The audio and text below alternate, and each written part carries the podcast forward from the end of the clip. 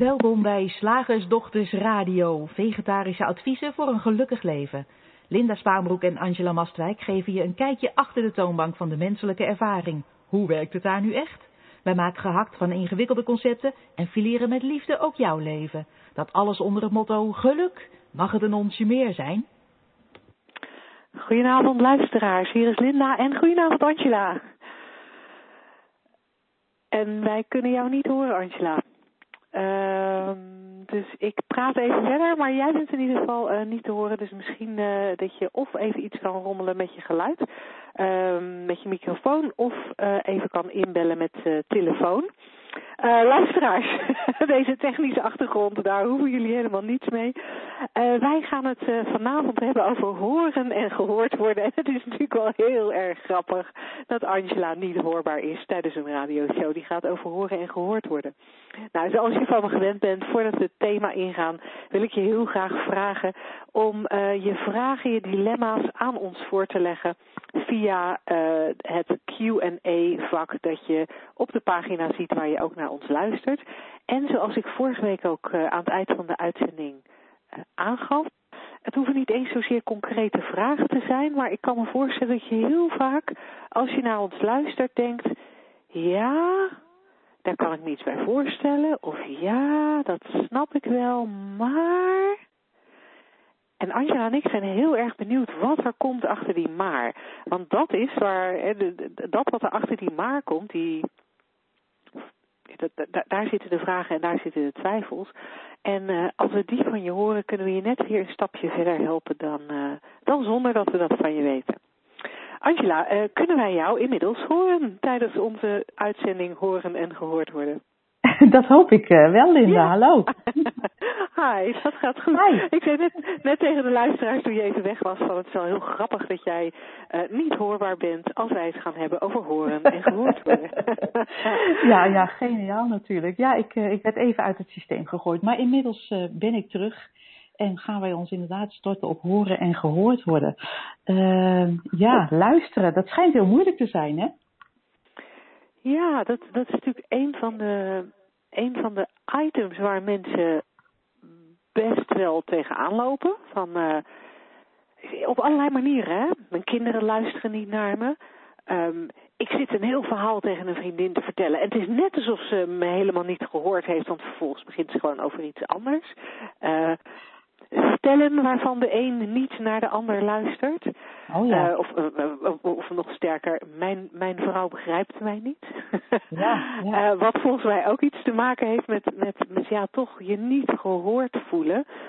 En, um, ja, en luisteren is natuurlijk even, net even een ander woord dan horen en gehoord worden. Maar het is wel waar, waardoor jij met name kwam op dit onderwerp, omdat we, uh, ja, jij was bij een van, van mijn events en, en merkte daar dat luisteren uh, best wel een dingetje is voor, voor veel mensen. Kan je even vertellen wat je observeert als het gaat om luisteren of niet luisteren? ja, ja wat, wat ik zag dat, was dat uh, jij stond daar op het podium heel helder te communiceren van uh, wat jouw uh, inzichten waren en wat jij, wat jij vroeg van, van iedereen daar in de zaal. Hè. Er waren een aantal opdrachten te doen. En ik was daar een soort toeschouwer bij.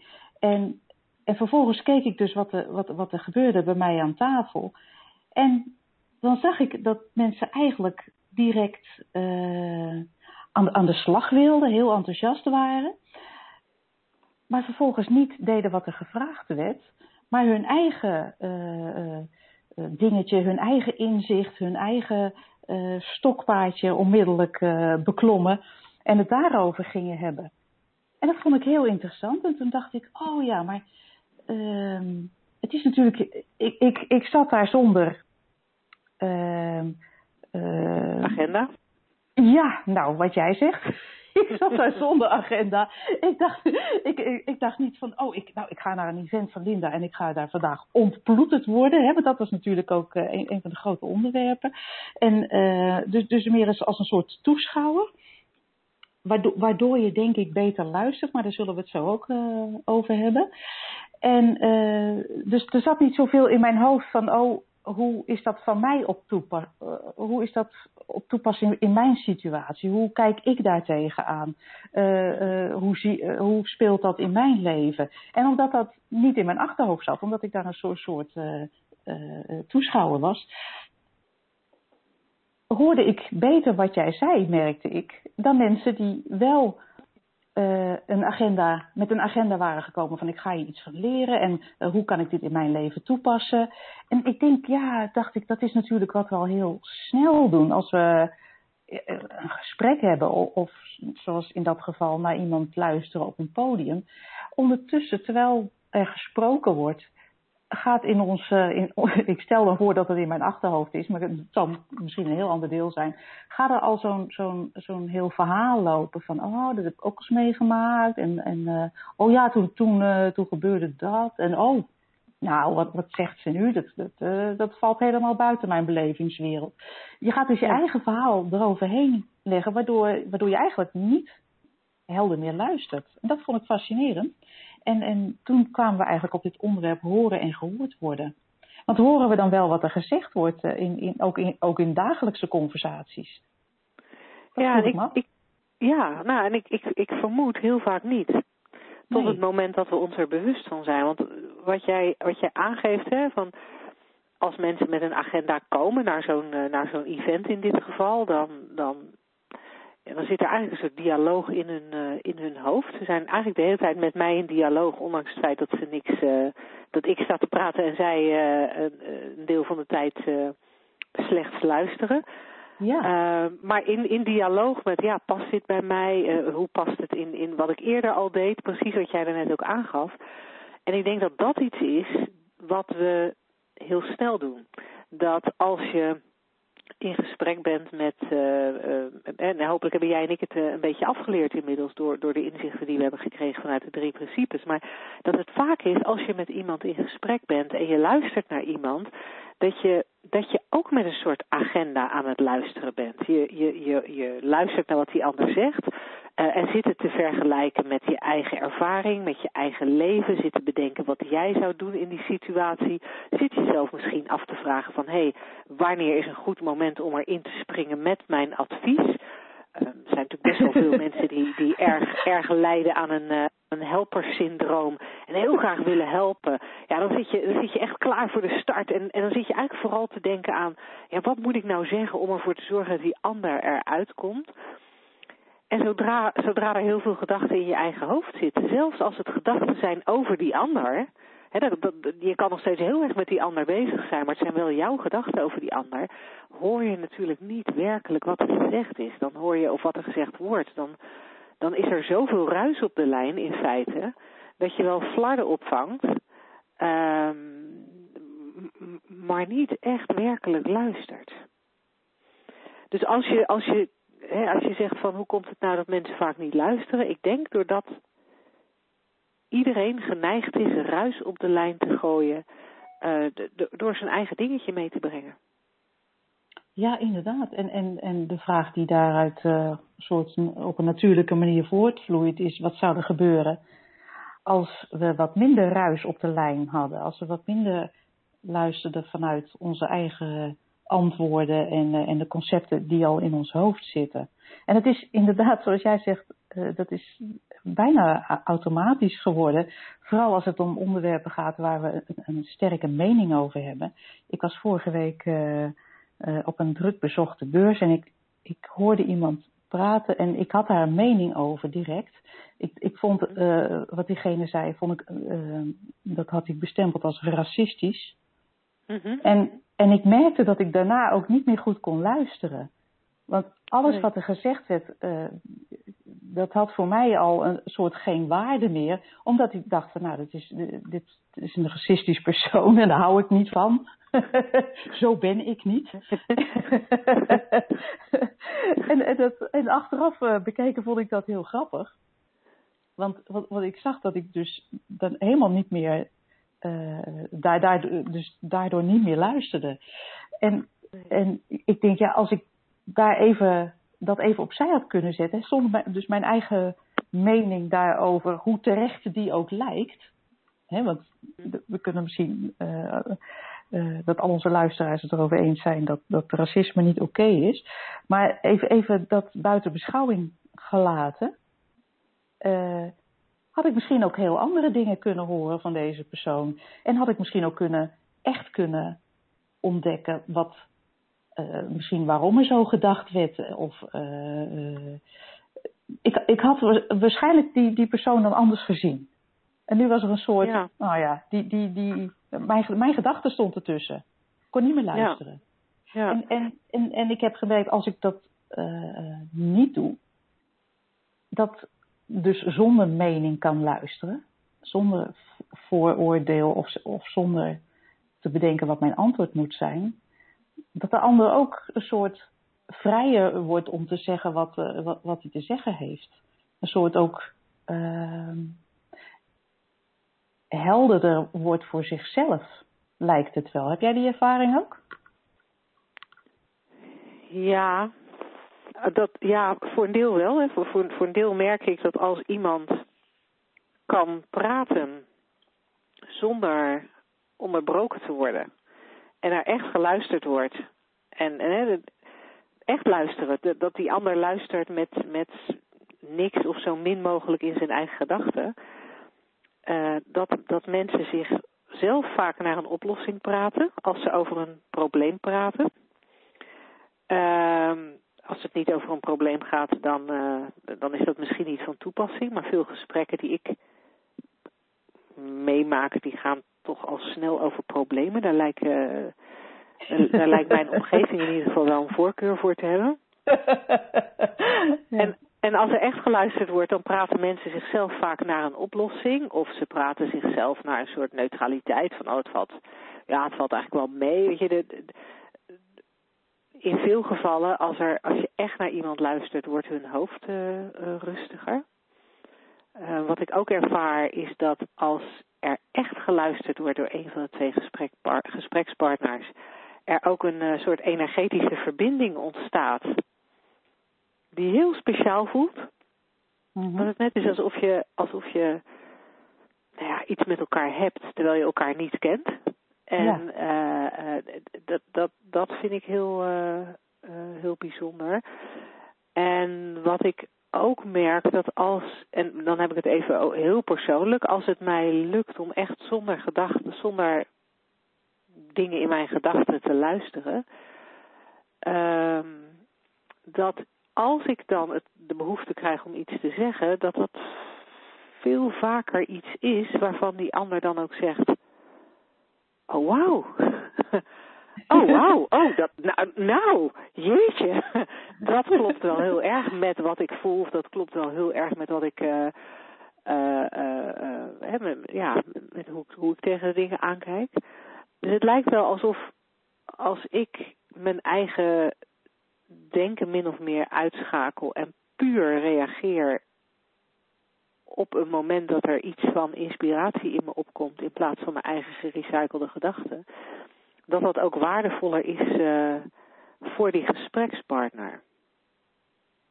Ja, en ik denk dat dat laatste onderdeel uh, de moeite waard is om eh, extra aandacht aan te besteden. Want als jij zegt zonder gerecyclede gedachten, want als jij luistert om direct een antwoord of een oplossing bij de hand te hebben, zijn dat inderdaad vaak eh, jouw antwoorden, oplossingen die voor jou hebben gewerkt of waarvan jij denkt dat ze werken. Uh, maar vanuit de stilte, om het zo maar even te noemen, ook al is er een conversatie gaande, maar luisterend vanuit een, een leeg hoofd, kan er wel eens iets nieuws opkomen. Kan je wel eens inderdaad iets, iets, iets zeggen wat, oh, wat iets opmerkelijk is, wat je misschien uh, anders ook niet had, uh, wat je denkt, nou dat zou ik nooit zelf bedenken en toch kwam het eruit. Mm-hmm. ja. Alsof uh, de, de toegang tot, ja, tot je innerlijke wijsheid, die iedereen natuurlijk heeft, een soort meer, meer open is. En ik vind het ook grappig dat je zegt, die, die verbinding die je dan voelt, ik zei laatst nog tegen mijn geliefde van, ik kom steeds meer mensen tegen waarvan ik denk, oh, ik ken jou. Zonder te weten waarvan of zonder dat dat waar is. ja. maar, oh, ik, ik ken jou. Maar dat, zoals ik luisterend naar jou denk ik, oh ja, maar dat is natuurlijk, ja, we zijn allemaal hetzelfde uiteindelijk. En Ja. het lijkt alsof de herkenning groter is als je anders luistert. Ja, dat, dat, dat vermoed ik wel. En ja, ja, verder kan, ik- van kan ik dat ook niet verklaren. Nee, Wat ik ook interessant vind, als je echt, als je echt eh, naar mensen gaat luisteren, als je gaat luisteren naar mensen met niks in je gedachten, want dat is denk ik de essentie die wij overbrengen als het gaat om echt luisteren. Ehm, en dat, hè, want je, vaak leren we natuurlijk op trainingen dat luisteren, dan moet je de, houding spiegelen van de ander. En je moet op het juiste moment knikken en op het juiste moment mhm zeggen en op het juiste moment vragen stellen. Eh, maar dan ben, je, dan, dan ben je erg veel bezig met nadenken over hoe moet ik nu spiegelen, hoe moet ik nu zitten, hoe moet ik nu knikken. Eh, terwijl, dat, dat, is, nog niet echt luisteren in, in, in de manier waarop wij er eh, naar, naar kijken. Maar als, als, je het dus, als het je lukt om, om echt te luisteren met niks in en ook zonder het gevoel dat je iets moet inbrengen, omdat je anders niet van waarde zou zijn of zo, als je dat allemaal kunt, kunt loslaten, wat interessant vind, is dat je dan ook dingen hoort over die ander die je eerder niet kon horen. En dat je die dingen leert over die ander, beweegredenen van iemand, ehm, hoe iemand anders denkt over de dingen, eh, van alles en nog wat zijn, Ja, waardoor je uiteindelijk beter op ze kan reageren. En hè, wij hadden, wij hadden ehm, als laatste punt over, de, over dit thema gezegd hoe je je kinderen, je partner en je hond, hoe, hoe je kinderen, je partner en je hond doen wat je zegt zodra jij beter naar ze luistert. En voor mij zie ik dat heel erg terug in. eh, en vooral bij mijn hondje kan ik dat zo mooi zien. hè. En zo'n hondje is ook zo'n lekker neutraal dingetje om het over te hebben. Zoveel makkelijker dan het te, o- te, te, te- te hebben over je kinderen. Maar als ik zie. Ehm, ehm, als, als ik in staat ben te kijken, en bij mijn, bij mijn hond is het, eh, gaat het natuurlijk om dat ik kijk en, eh, als een vorm van luisteren. Als ik kijk naar waar hij behoefte aan heeft of wat er met hem op een gegeven moment aan de hand is, ehm, dan kan ik beter met hem communiceren. Als hij heel bang is, dan kan ik, van al, kan ik allerlei dingen van hem vragen, maar dan luistert hij niet naar me. Moment dat ik zie dat hij bang is, oh, dan, en, dan kan ik mijn gedrag erop aanpassen en hem op een andere manier tot de orde roepen of bij me roepen of wat het dan ook is wat er moet gebeuren, waardoor, waardoor ik wel contact met hem kan krijgen. En ik denk dat dat, dat, dat met partners en, en kinderen eh, precies hetzelfde werkt. Hoe kijk jij daar tegenaan? Ja, nou, ik ben blij dat je dit zo helder uitlegt, want ik zat net naar die punten te kijken. Ik dacht, nou, ik weet niet hoe ik die laatste eigenlijk moet zien. maar, zoals jij het nu vertelt, is het me, is het me volkomen helder. En ik denk inderdaad, eh, zo uitgelegd dat dat, dat heel erg eh, klopt. Als je bijvoorbeeld een, kind hebt wat. eh, nou, laat ik even een voorbeeld noemen uit het kinderboek wat ik geschreven heb. Er is een vervelende buurjongen die voortdurend plaagt waarop uh, de hoofdpersoon, het meisje Bente, steeds uh, ja, geïrriteerd reageert. Want het is niet leuk om geplaagd te worden en geduwd op het schoolplein. En op een gegeven moment gaat ze, gaat ze naar hem kijken. Dus zonder het idee, oh daar heb je hem weer, vervelend jong en oh gadverdarrie. En dan kijkt ze en dan ziet ze eigenlijk gewoon, oh hij is bang om niet stoer te zijn. Dat, dat is wat er in haar opkomt als ze, als, als ze neutraal naar hem kijkt en luistert. En dat weten kan ze eigenlijk ook gewoon uh, op een bepaalde manier. Uh, nou, alleen het zien helpt al, want je hebt een heel andere. Je, je breekt een soort die, die, relatie open. Wat wij ook al eerder zeiden. En ja. heb je ook een, een, een natuurlijke respons op, uh, op, op wat er dan voorvalt. En, en het resultaat kan zijn dat inderdaad die ander heel anders een hele andere houding aanneemt, omdat hij zich ja, gehoord en gezien voelt. Ja, ja. In de kern en niet uh, in, in, het, in, het, uh, in het tijdelijke gedrag. Ja, dat is ook wel een mooie aanvulling. Dat iemand zich gehoord voelt, niet in zijn gedrag, maar in, uh, in wat daaronder zit. Ja. Weet je waar het me ook op brengt? Dat is een beetje mijn item van de dag. Uh, maar het heeft wel, het heeft wel te, te maken met, met horen en gehoord worden. Wat, wat, wat ik vandaag heel helder zag in mijn eigen leven, was dat we. Zo, er is een, gaat een uh, flinke sirene bij jou voorbij. Ja, ja hoor je dat? Oh, grappig. Ja. Ja, die hoorden wij. Ja, die hoorden wij. uh, speciaal natuurlijk deze sound effects voor bij dit thema. Um, ja. Hebben wij geregeld voor onze luisteraars. uh, dat um, er zit ook nog een ander aspect aan gehoord worden, merk ik. Um, dat we, we, zeggen natuurlijk in deze uitzending vaker van we creëren onze werkelijkheid uh, met onze gedachten. We creëren onze realiteit met onze gedachten. Ja. Uh, en van, vanochtend realiseerde ik me heel erg dat we maken verhalen. Ja. En we maken verhalen over iets wat dan een probleem is of een ding is. en, uh, en ik zat vanochtend zat ik in zo'n in zo'n stroming, in zo'n in zo'n verhaal. Uh, ik had een verhaal gecreëerd over Facebook adverteren en hoe dat dan moet met mijn bedrijf en wat ik daar dan van vind en wat dat dan kost. Het, was echt, het was een uitgebreid verhaal. Het, was ook, het had ook diepere lagen, mijn verhaal. het zou het echt als roman heel goed doen. en wat ik merkte was dat toen ik daar het over had met mijn vriend hij mijn verhaal serieus nam.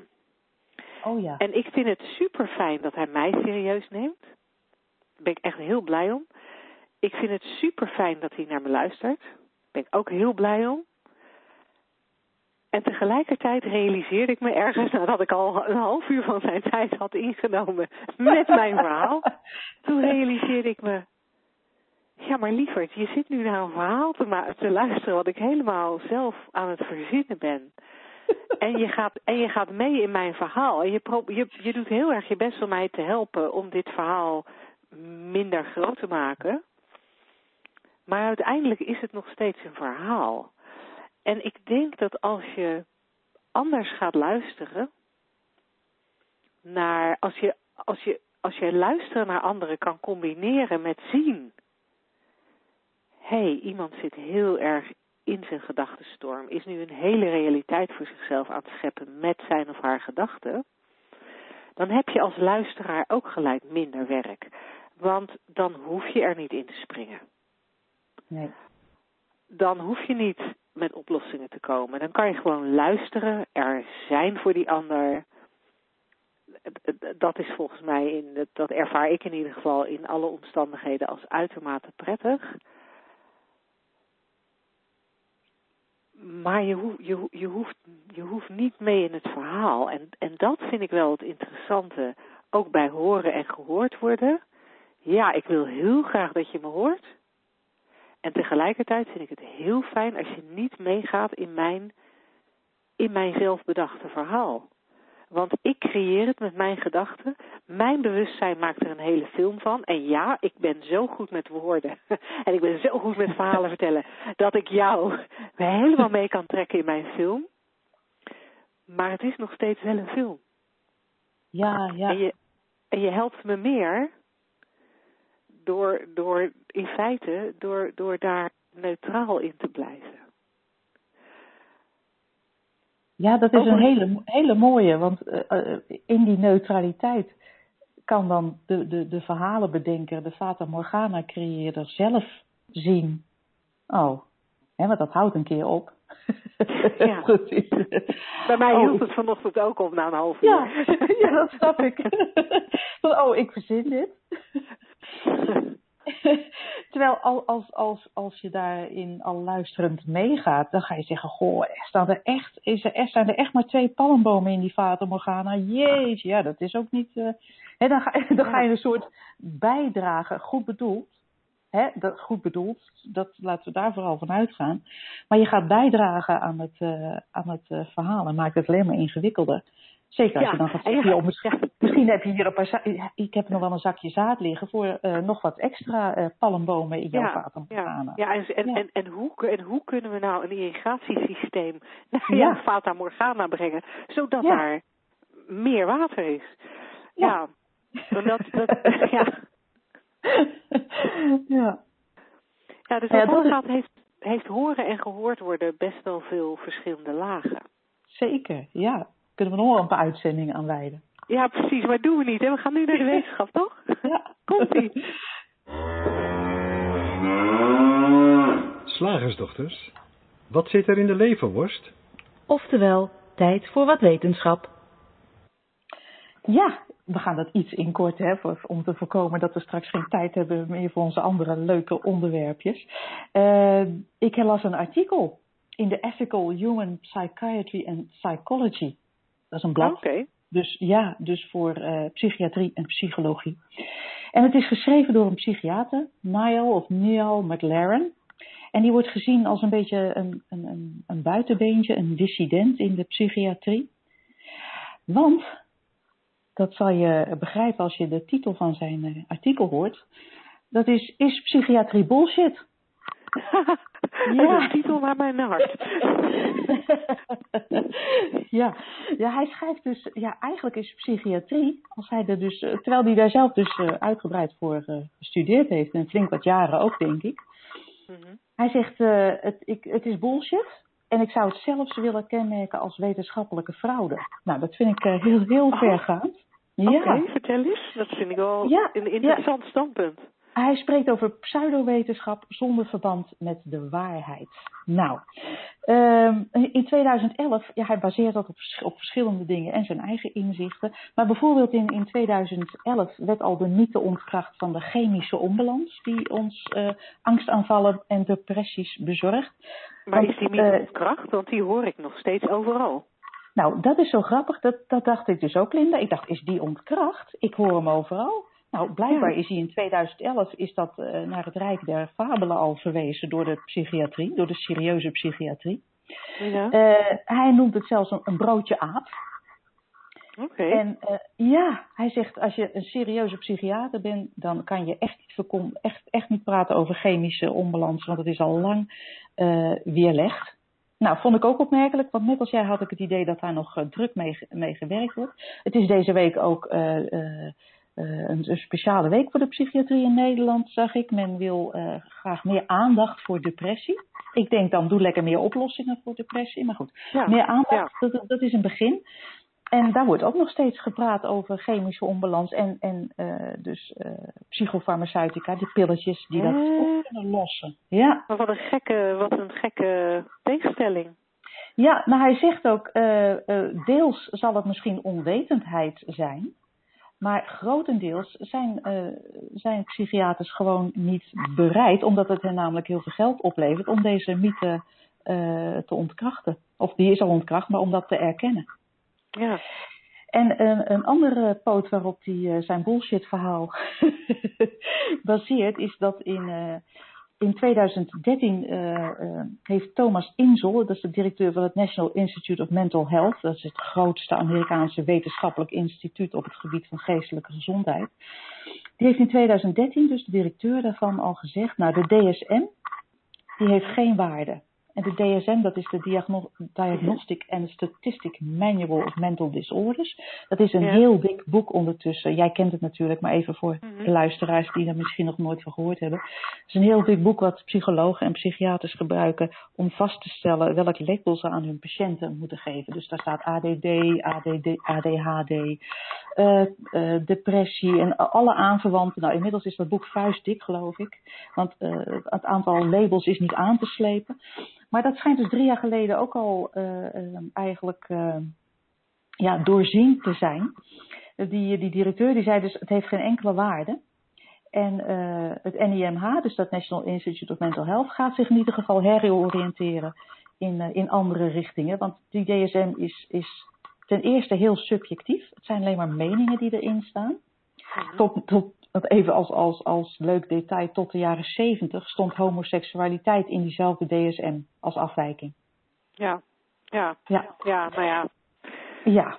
En, uh, de, en de commissie die dus bepaalt uh, wat er in die DSM komt. Hè, daar is een hele commissie voor die dan bepaalt, oh dat is een ziekte en, en dit uh, komt erin en dat niet. 69% van die mensen die in die commissie zitten, die hebben financiële banden met de farmaceutische industrie. Met dus de industrie die al die pillen produceren, Oh, die eh, de oplossing bieden voor die, al, die, al die labels. Ja, dus Ja. 69 procent. Ik vond dat ook eh, opmerkelijk. Ja, en hij vraagt zich dus ook af, ja, zijn we nou echt niet goed geïnformeerd of doen we het expres, hè, om, eh, om eh, dat het toch wel fijn eh, geld oplevert. En ook nog wat er in het artikel stond, dat wil ik ook nog even vermelden. Ehm, eh, op een gegeven moment bracht men in Amerika dus allerlei pillen op de markt tegen depressie bijvoorbeeld. Eh, Prozac en, en, en dat soort eh, pillen. Maar Amerikanen die, die weigerden dat te slikken en die weigerden het ook aan hun kinderen te geven in eerste instantie. Van, nou, ik weet het niet of dat wel een goed idee is. En eh, toen is dus die, die chemische onbalanstheorie gelanceerd. Eh, waarna men zei, oh, oh, kijk, oh, wacht even. Het heeft dus een biologische oorzaak, mijn depressie. Hè? Het is een stofje in mijn hersenen, waar, waarneembaar ontbreekt dat. En als het biologisch is, dan is het dus een ziekte. En dan ben ik wel bereid om een pilletje te nemen. Ja, dat is natuurlijk... eh, ik eh, zal daar geen eh, zo weinig mogelijk oordeel over laten merken. Ik vond het Ja. gewoon een opmerkelijk, opmerkelijk artikel. En hij besluit ook met psychiaters zouden, net als ik, zegt hij, op zoek moeten gaan naar waarheid in plaats van naar deze subjectieve eh, eh, meningen eh, die dus deze pseudowetenschap vormen. Ja. Ja, opmerkelijk Ja. artikel. Nou ja, zeker. En het, het, het is ook een. Hey, ik hoor weer een echo van mezelf. Een. ehm, eigenlijk een, een soort bevestiging van wat een aantal Amerikaanse psychiaters natuurlijk al jaren zeggen in, in Ja, een aantal psychiaters die werken vanuit de inzicht van de drie principles. Ja, die, die, die zien al jaren aan hun patiënten, jaren, dan heb ik het over 30, 35, 40 jaar, ja, dat, dat patiënten genezen van, van eh, psychiatrische ziektes, waar altijd van gezegd werd dat je daar niet van kon genezen, omdat het nou eenmaal iets genetisch of iets eh, eh, of, of zo'n onbalans was. ja. Dus, dus zij bewijzen het eigenlijk al jaren, alleen Mhm. daar wordt op de een of andere manier niet naar geluisterd, omdat blijkbaar het, het, ehm, het ziektebeeld denken aantrekkelijker is of zo, in combinatie met, met de medicatie. Want Ja. ik ben daar wel een beetje stil van, want ik, ik, ehm, ik ben, eh, voor, de- voor veel luisteraars zullen dat niet weten, maar ik ben opgeleid als orthopedagoog en eh, ben in 2006 afgestudeerd.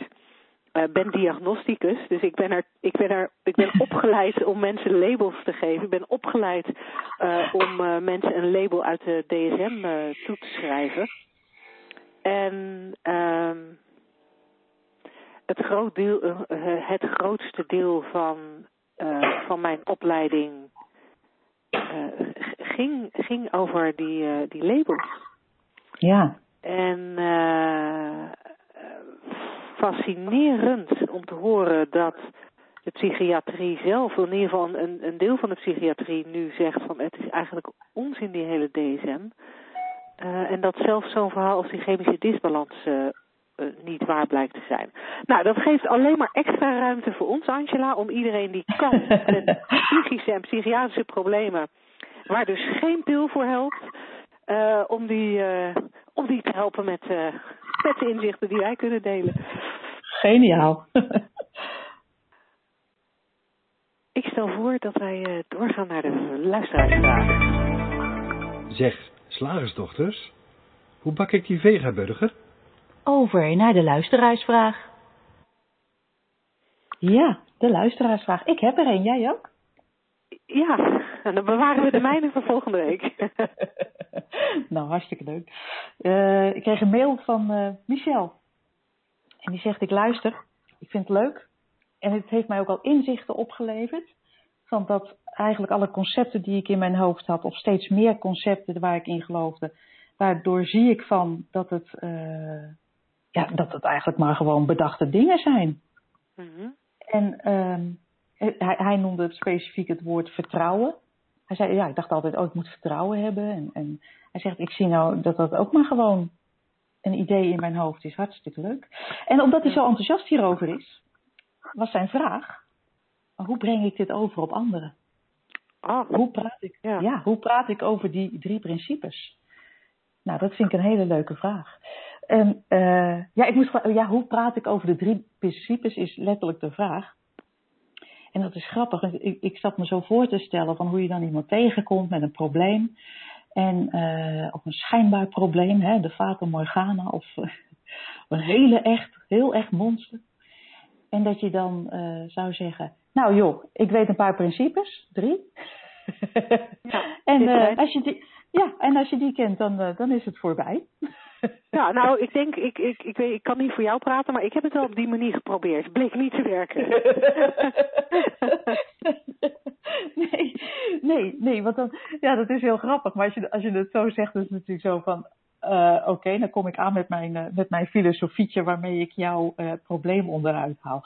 Nee, ja, zo, zo werkt het natuurlijk niet. Hoewel het wel heel handig kan zijn om, om er af en toe naar te verwijzen van, oh ja, hoe zat het ook alweer? Hoe creëer ik mijn ervaring? Oh ja, dat, dat was mind consciousness en thought, hè, die universele levensenergie en, en je bewustzijn wat je denken tot leven brengt. Nou, helemaal handig om dat, om dat af en toe nog even, eh, om jezelf of de ander eraan te herinneren.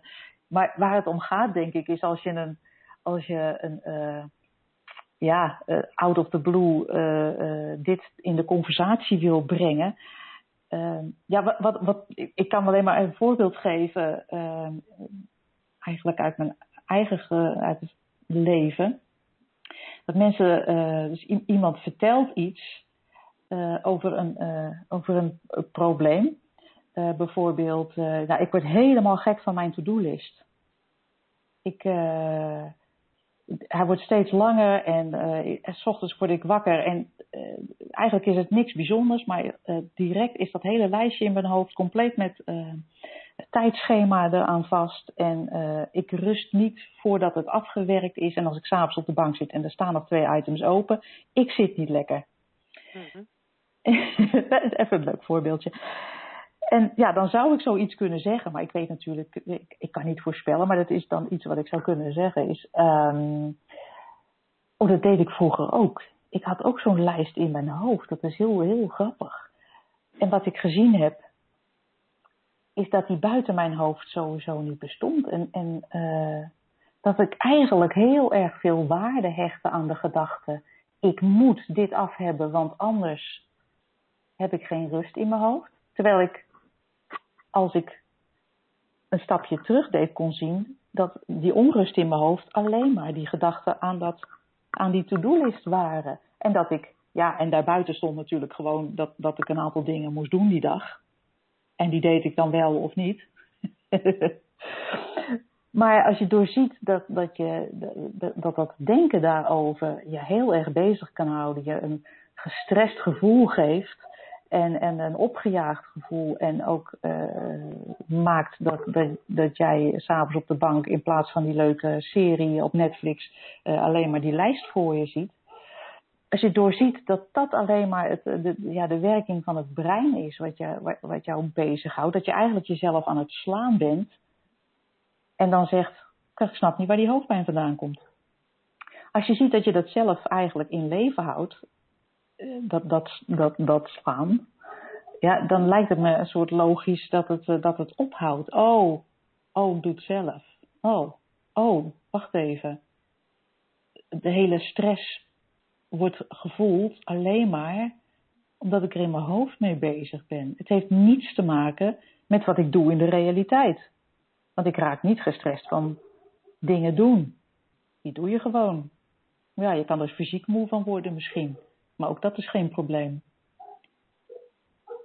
En ja, goh, ik wat klets, waar, waar kwam ik vandaan? Oh ja, de vraag hoe, ja. hoe breng je dit over? Nou ja, dit is een voorbeeld van een, van een, van een insteek van, oh, oh ja, zo, ik, ik dacht vroeger ook dat dat waar was. Of oh ik, oh, ik dacht vroeger ook heel erg in concepten van, ja, maar als je een dagje ouder wordt, dan moet je misschien wat gas terugnemen. Of zo, hè? ik noem maar wat. Uh, oh ja, ik, ik geloof, en ik zal nog best heel veel dingen geloven, maar ja, als ik ze niet zie, dan geloof ik er blijkbaar nog steeds in. Uh, ja, zoiets bijvoorbeeld. Hoe, hoe doe jij dat nu, Linda? Um, nou, inderdaad niet door, door te gaan zitten en te zeggen... Laat mij jou vertellen wat de drie principes zijn, want die helpen. uh, ik maakte er straks een grapje over, maar dat was wel mijn initiële uh, aanpak. Ja. Uh, want, want ik ben vanuit mijn, mijn werk als marketingcoach heel erg gewend om, om in stappenplannen te denken. Ja, nou, doe ja. gewoon punt 1, 2 en 3 en dan, en dan komt het goed.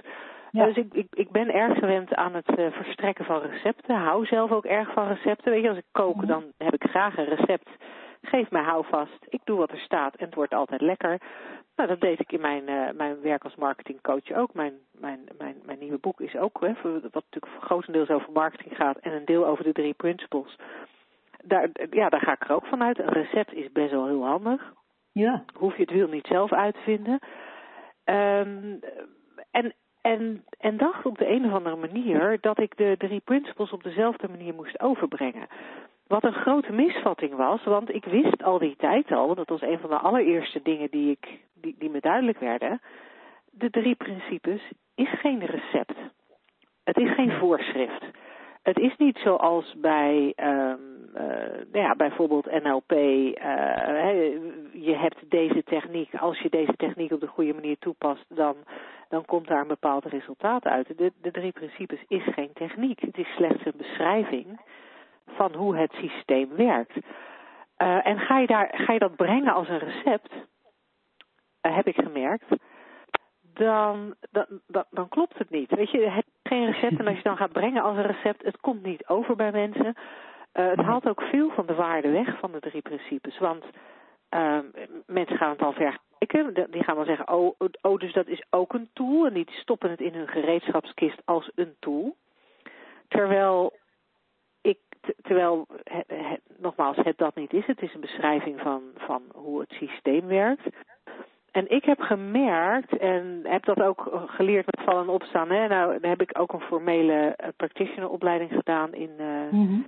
uh, in, in de drie principes. Dus ik ben daar dan ook echt op getraind en gecoacht en gementord. um, hoe, hoe, hoe ik dat zo goed mogelijk zou kunnen overbrengen. En uh, een van de dingen waar ik nog lang mee geworsteld heb was van ja, maar ho hoe incorporeer ik dat dan in mijn werk als marketingcoach? Mm. En toen werd tegen mij gezegd, um, uh, dat hoeft helemaal niet, want als je, als je je, je uh, gewoon leeft vanuit je grounding, ja. en de grounding is dan ja, dat, dat wat je zelf ziet over de drie principes, um, als je zelf werkt vanuit die grounding, leeft vanuit die grounding, dan komt dat altijd, dan, dan, dan schijnt dat altijd door in alles wat je doet. En dan Ja. kun je, zoals ik nu heb gedaan, eigenlijk een, een soort receptenboek schrijven over marketing. En dan nog zit daar mijn grounding in. Nog schijnen die drie principes daardoorheen. Uh, nou heb ik aan het eind van het boek natuurlijk ook een heel hoofdstuk specifiek daar uh, over de drie principes. Maar desalniettemin, ook door de rest van het boek schijnt het heen. En dat gebeurt ook in, in, in gesprekken die ik heb. En, en dat is een van de dingen die wel heel erg me bij is gebleven. Dat als je praat over de drie principes, als je het met andere mensen wilt delen, vertel dan alleen, praat dan alleen over dat wat je zelf ziet. Ja. Niet over wat je Angela of mij hoort vertellen, niet over wat je misschien in een boek hebt gelezen of op een video hebt gezien. Um, het, vertel daar niet over alsof dat materie is die je zelf beheerst, want dan ben je bezig een recept over te dragen. Maar praat alleen over dat wat je echt zelf ziet. En zoals ik daar straks vertelde over hoe ik vanochtend ervaarde dat ik, dat ik een heel verhaal creëerde. Dat heb ik zelf ervaren. En van daaruit kan ik, kan ik vertellen. He, wat jij daarnet Ja. ook deed, Antje vertellen over hoe jij dat vroeger deed met jouw to-do-list. Wat het effect op jou was. Jij hebt daar dingen in gezien en wat jij gezien hebt, dat kun je overdragen. Dus dat zou ik Michel ook heel graag willen meegeven. Dat aspect van het is geen recept, het is echt alleen maar een beschrijving. En het overdragen van wat je ziet, je kan alleen maar overdragen wat je zelf ziet. En dan kan het effect hebben op mensen. Zodra je, zoals ze dat in het Engels noemen, voorbij je grounding gaat praten, uh, dan, dan, dan haken mensen af. Dan haken mensen af, uh, absoluut af. En zelfs als je binnen je grounding praat, zul je soms mensen hebben die met je in discussie gaan alsof het toch een recept is. Uh, ja. Of die het niet helemaal, uh, niet helemaal begrijpen, of die er toch een toeltje van proberen te maken. Vind dat dan, wat mij betreft, ook niet erg. Hè? Dat, dat, dat, dat is ook zo. En, en ja, dan kom ik weer terug bij, bij wat mij uh, verteld is Ehm, door, door een aantal van de zeer geoefende 3P-teachers. leef, leef, leef het gewoon voor. Leef gewoon vanuit je grounding. En uh, ja, weet je, zoals Michel dan, dan, dan heel goed doorziet hoeveel concepten hij in zijn hoofd heeft. En dat zelfs vertrouwen, wat, wat voor hem lang een, een ding was, dat dat zelfs een concept is. Ja, Michel, dat zie je heel erg goed. Uh, dus, dus daar is vermoedelijk ook jouw ingang om, om van daaruit mensen te vertellen van hé hey, ja, ik heb ervaren dat dat, dat waar jij nu over hebt eigenlijk maar een concept is. Want nogmaals Michel, dat is wat je ziet. Dus, dus daar kan je heel goed over praten. Ja, en dat lijkt dan maar een heel klein dingetje, maar het kan echt uh, uh, een, een, een, enorme eye-opener zijn. En het is heel belangrijk wat jij zei, Linda. En ik denk ook dat we terug kunnen grijpen naar het, uh, het onderwerp van vandaag. Als je dit in je eigen leven gaat, gaat zien, steeds meer inzicht krijgt in hoe je ervaring werkt als mens, dan wordt er ook, dan luister je anders, je communiceert anders. Zeker op momenten dat je echt helder bent. Denk ook niet altijd. En dan, ja, dan ontstaat er ook een andere verbinding waar we het eerder ook al over hadden. je, je, je, voelt je meer verbonden met andere mensen. En ik denk ook dat het, uh, de, zoals jij al zei, je moet het zelf leven. Maar dit, de, een van de, een, een heel belangrijk aspect van die drie principes is dat het, een, dat het spirituele wetten zijn. En heel veel mensen krijgen uh, jeuk van die term. wij, wij maken daar zelf ook altijd heel veel grapjes ja. over, over paarse jurken, wierook en, uh, en dat soort, uh, en dat soort vormen. Ik zit hier vanavond in een paarse jurk, hè? Ook oh. Ja, ja. ja speciaal daar onze. oh, wat grappig. En, en, en dat is ongrijp, het ongrijpbare hiervan, uh, het vormloze, iets waar je eigenlijk niet over kan praten. Maar het is wel iets wat, wat je ja, uitstraalt of overbrengt. Zoals mensen ook tegen jou nu zeggen, Linda, van uh, oh je, staat heel, je bent zo authentiek op, zo, op zo'n podium bijvoorbeeld. En dat is niet omdat je misschien iets een andere ding vertelt, ook al doe je dat wel. Maar het gaat erom dat er iets in jou veranderd is, waardoor mensen anders, hey, ik, weet, ik wil iets van wat zij heeft, zoiets. Ja, wat, nu, ja. wat nieuwsgierig maakt. Ja. En dan heb je ja, natuurlijk sowieso een ingang van, nou ja, ik heb eigenlijk ontdekt van, als je een beetje ziet hoe, hoe, uh, hoe je ervaring in elkaar zit en dat je dat allemaal zelf creëert, ja, dan wordt het allemaal een stuk makkelijker. Ja. Ja, en dan gaan mensen vanzelf ook meer aan je vragen. En ja. ik heb ook wel de ervaring dat op het moment dat mensen vragen aan je gaan stellen, over hoe je met bepaalde dingen omgaat. Of hoe het komt dat je nu ineens zoveel rustiger bent dan vroeger. Of, nou ja, weet je, mensen kunnen allerlei. Hoe, hoe komt het dat je altijd zo vrolijk bent? Uh, dan, dan, dan kun je daar, dan, dan is dat ook weer makkelijker. Uh, ja, dan als je uh, in een gesprek heel goed bedoelt. Omdat je denkt een probleem te horen. Uh, met, met de drie principes op tafel stort. Ja, ja, want dan, wat je dan eigenlijk doet is hetzelfde als uh, wat jouw geliefde vanmorgen deed toen jij je Facebook uh, advertentie toestand vertelde. Hoe goed bedoeld ook. Dat serieus nemen en het probleem proberen op te lossen. Ja, Ja, ja, want dat geldt natuurlijk precies Ja. hetzelfde als wij, als wij mensen horen en denken van, Ja. oh, maar die zou kunnen helpen met inzicht in de drie Die zou gedriepeed moeten worden. ja. Ja, en tegelijkertijd weet je, is het dan natuurlijk toch mooi om, eh, eh, dat, dat, dat blijft mooi. Het, het zijn ongetwijfeld mijn gedachten, maar het blijft mooi om mensen wel eh, dan toch te laten zien dat ze, dat ze, dat, ja, je kan iemand laten modderen met zijn probleem, of je kan iemand laten zien eh, hoe die principes werken, waardoor die op een gegeven moment hopelijk, eh, eh, ja, toch wat minder, minder last daarvan heeft. ja, dat is, dat is super fijn. Ja, ja en, dat, en, en dat blijft een fascinerend ding. Hè? Dat we, we, we hebben het over gedachten, we hebben het over, we creëren onze eigen realiteit. En gaan we hier dan in onze radioshow daarover zitten praten en een realiteit rondom die drie principes creëren. Ja, en, dat, en, dat, en dat blijft binnen onze menselijke ervaring natuurlijk altijd de grote, Ja. eh, ja, de grote spagaat. En dat Ja. is waar Sydney Banks, de grondlegger van de drie principes, ook vaak naar weet. Ja, weet je, we, we hebben alleen maar woorden om met elkaar te communiceren. En zodra we woorden geven aan iets wat geen vorm heeft, hè, iets wat spiritueel is, geen vorm heeft. En zodra we er woorden aan geven, geven we er vorm aan. En is het net niet meer waar we eigenlijk naar proberen te wijzen. Nee, En nee. eh, ja, Inderdaad. die spagaat houden we gewoon. dus het, ja, we dus kunnen krijgen- niet anders. Nee, we krijgen het nooit helemaal kloppend in deze radio. Niks.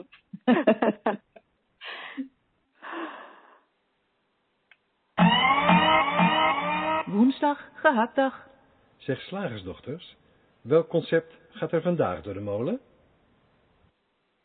ja, Ja, we hebben natuurlijk door, doordat we toch eh, wat langer bezig geweest zijn over het thema van vandaag en ook uitgebreid op Michels vragen ingegaan zijn, eh, omdat we het zo'n onwijs leuke vraag eh, vonden, ehm, hebben we wat minder tijd voor het concept van vandaag.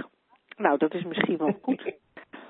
Want, Ja. want het is toch maar een concept, dus waarom zouden we het daar lang over hebben?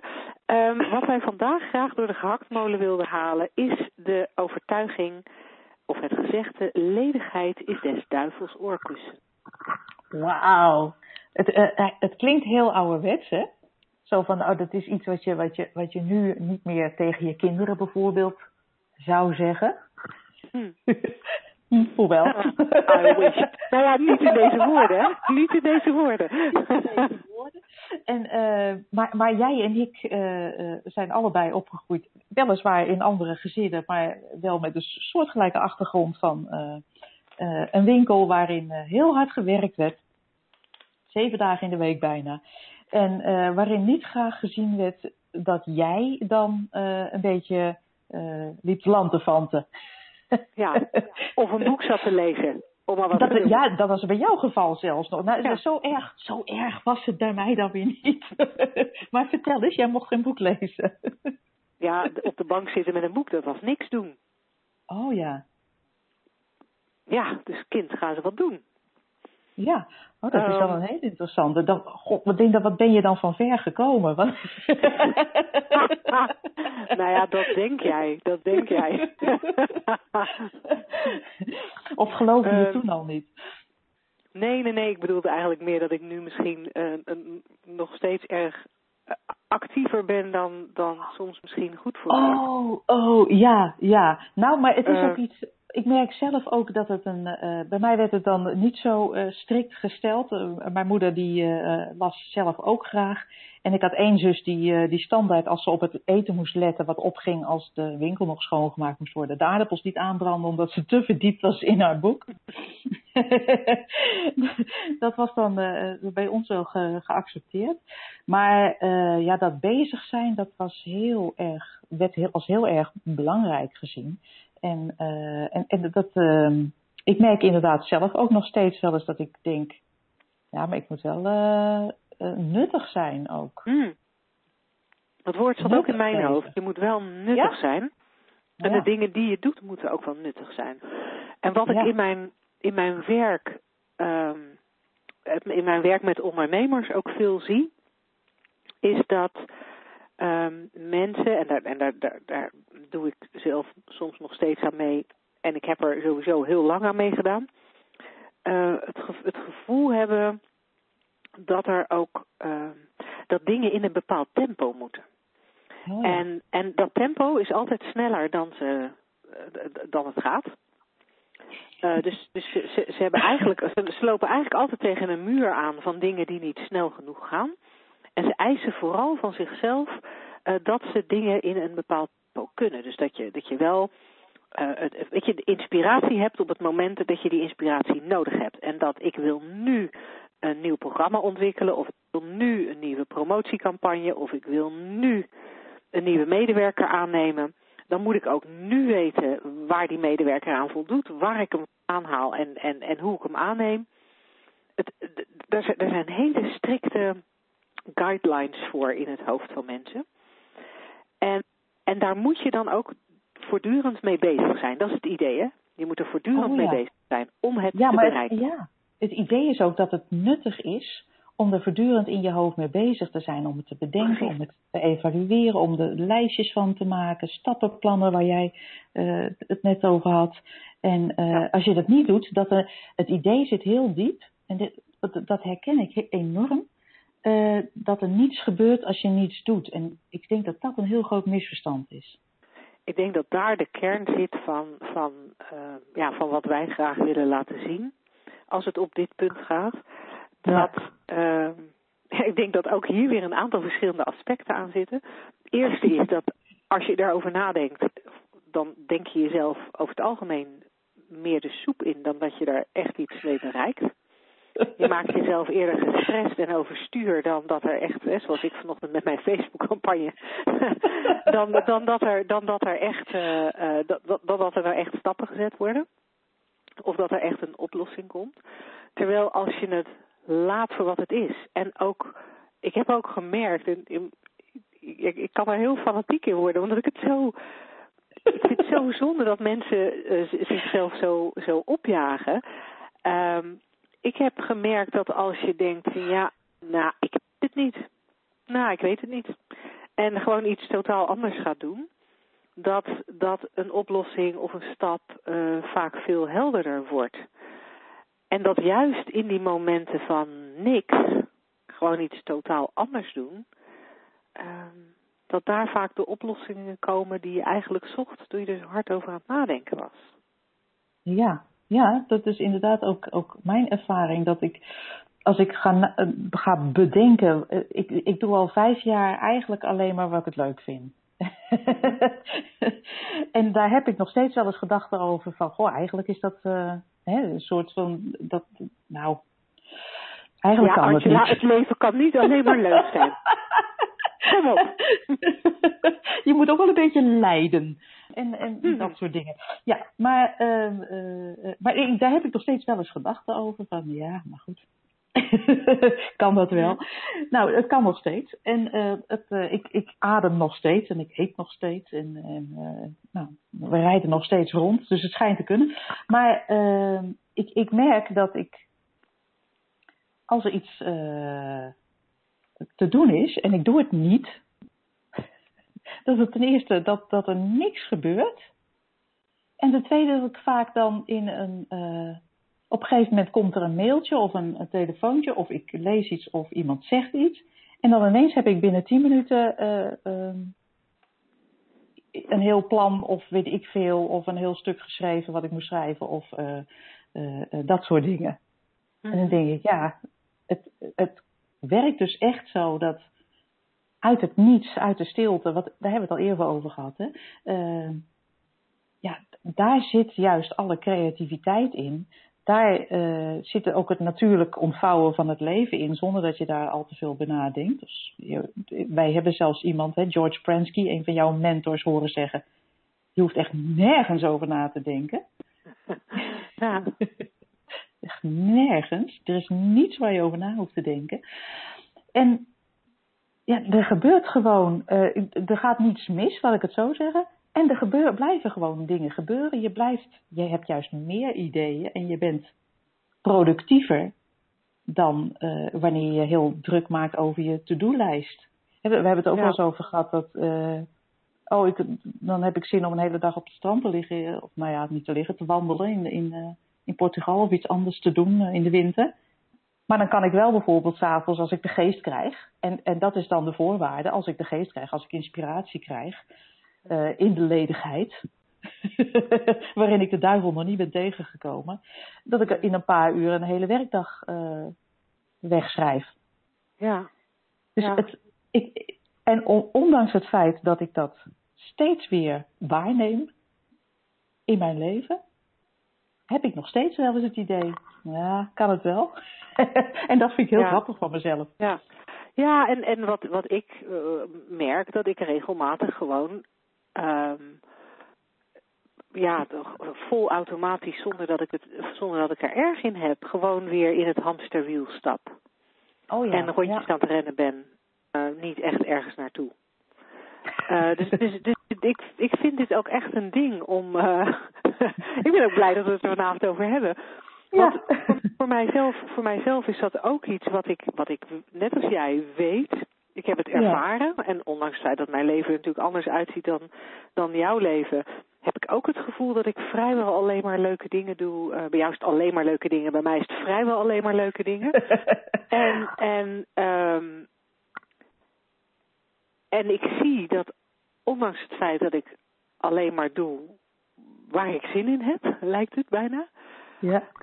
Um, op de momenten dat ik er zin in heb, loopt mijn bedrijf gewoon door, komen de klanten er gewoon, is dat boek er gewoon. Weet je, dat boek dat heb ik echt alleen maar geschreven. Dat heb ik alleen maar geschreven op de momenten dat ik inspiratie had. En het is echt, echt idioot hoe weinig uren werk er eigenlijk in zit. In zit, Het is ja. wel uitgespreid over een aantal maanden, maar binnen die maanden heb ik nou niet echt uh, enorme hoeveelheden uren erin gestoken. Al die dingen komen er wel. Ja, Um, en toch en toch en toch is het nog Is steeds dat- makkelijk om mee te Ja. gaan in de waan van. "Ah, het moet wel nu. Want Ja. gaat er van alles fout. en wat er dan fout gaat, verzin ik gewoon ter plekke. ja, ja dat, dat, dat blijft dan. eh, dat blijft- ergens hebben wij geloofd dat het waar was toen er tegen ons gezegd werd. Van, en, en, en, en nog dus blijkbaar wel eens, want, want dat voel je dan in die momenten dat je even. ja. voelt. Ja. Dat, dat is er blijkbaar nog ergens een restje van die gedachten blijven, van die gedachten blijven hangen van. Ja, maar je kan toch niet eh, alleen maar doen waar je zin in hebt.